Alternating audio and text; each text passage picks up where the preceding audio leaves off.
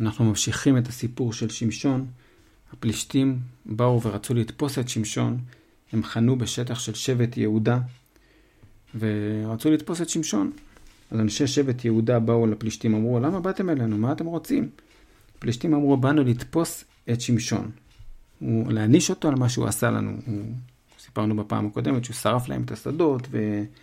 וכרמים, וממש אה, פגע בהם הרבה, והם רוצים להעניש אותו. אז באו שלושת אלפים איש משבט יהודה אל שמשון, אמרו, תראה, אתה יודע שהפלישתים מושלים בנו והם שולטים עלינו. אתה התגרית בהם. עכשיו אה, אנחנו הסתבכנו איתם.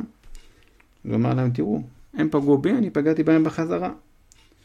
אמרו לו אנשי שבט יהודה, תראה, באנו לתפוס אותך, לתת אותך ביד הפלישתים.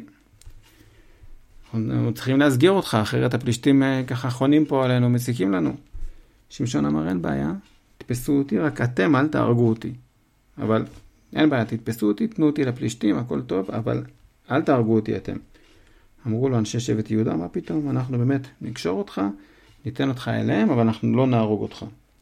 קשרו אותו בשני חבלים ממש חזקים, והביאו אותו אל הפלישתים, הפלישתים ראו אותו, התחילו להריע, וממש ככה שמחו, וצלחה על שמשון רוח השם, כשהוא הגיע לפלישתים, החבלים העבים שהיו עליו, פשוט, הוא הרגיש אותם כאילו הם, אה, כאילו פשטים כאלה, שתוך שנייה התפוררו באש כזה, ופשוט ניתק אותם. הוא פשוט השתחרר מהחבלים האלה, הוא מצא לחי של חמור, עצם חמור כזאת, מצא אותה, פשוט לקח את הלחי הזאת, התחיל להכות בפלישתים, היכה אלף איש. ואז הוא אמר, בלחי חמור, חמור חמורותיים, הכיתי אלף איש. וככה הוא בעצם הצליח להינצל מהפלישתים.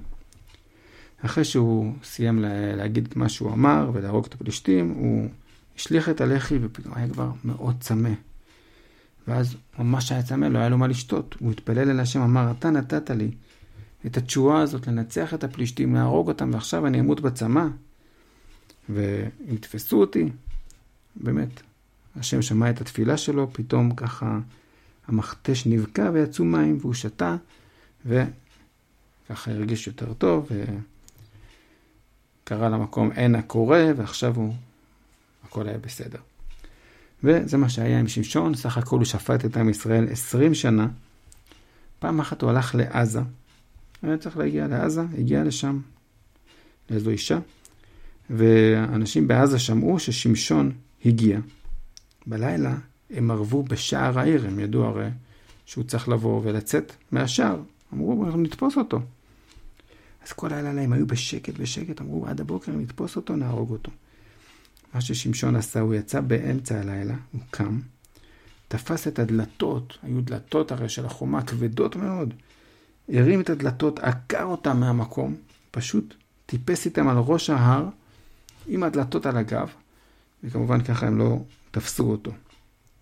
וזה סוף הסיפור הזה.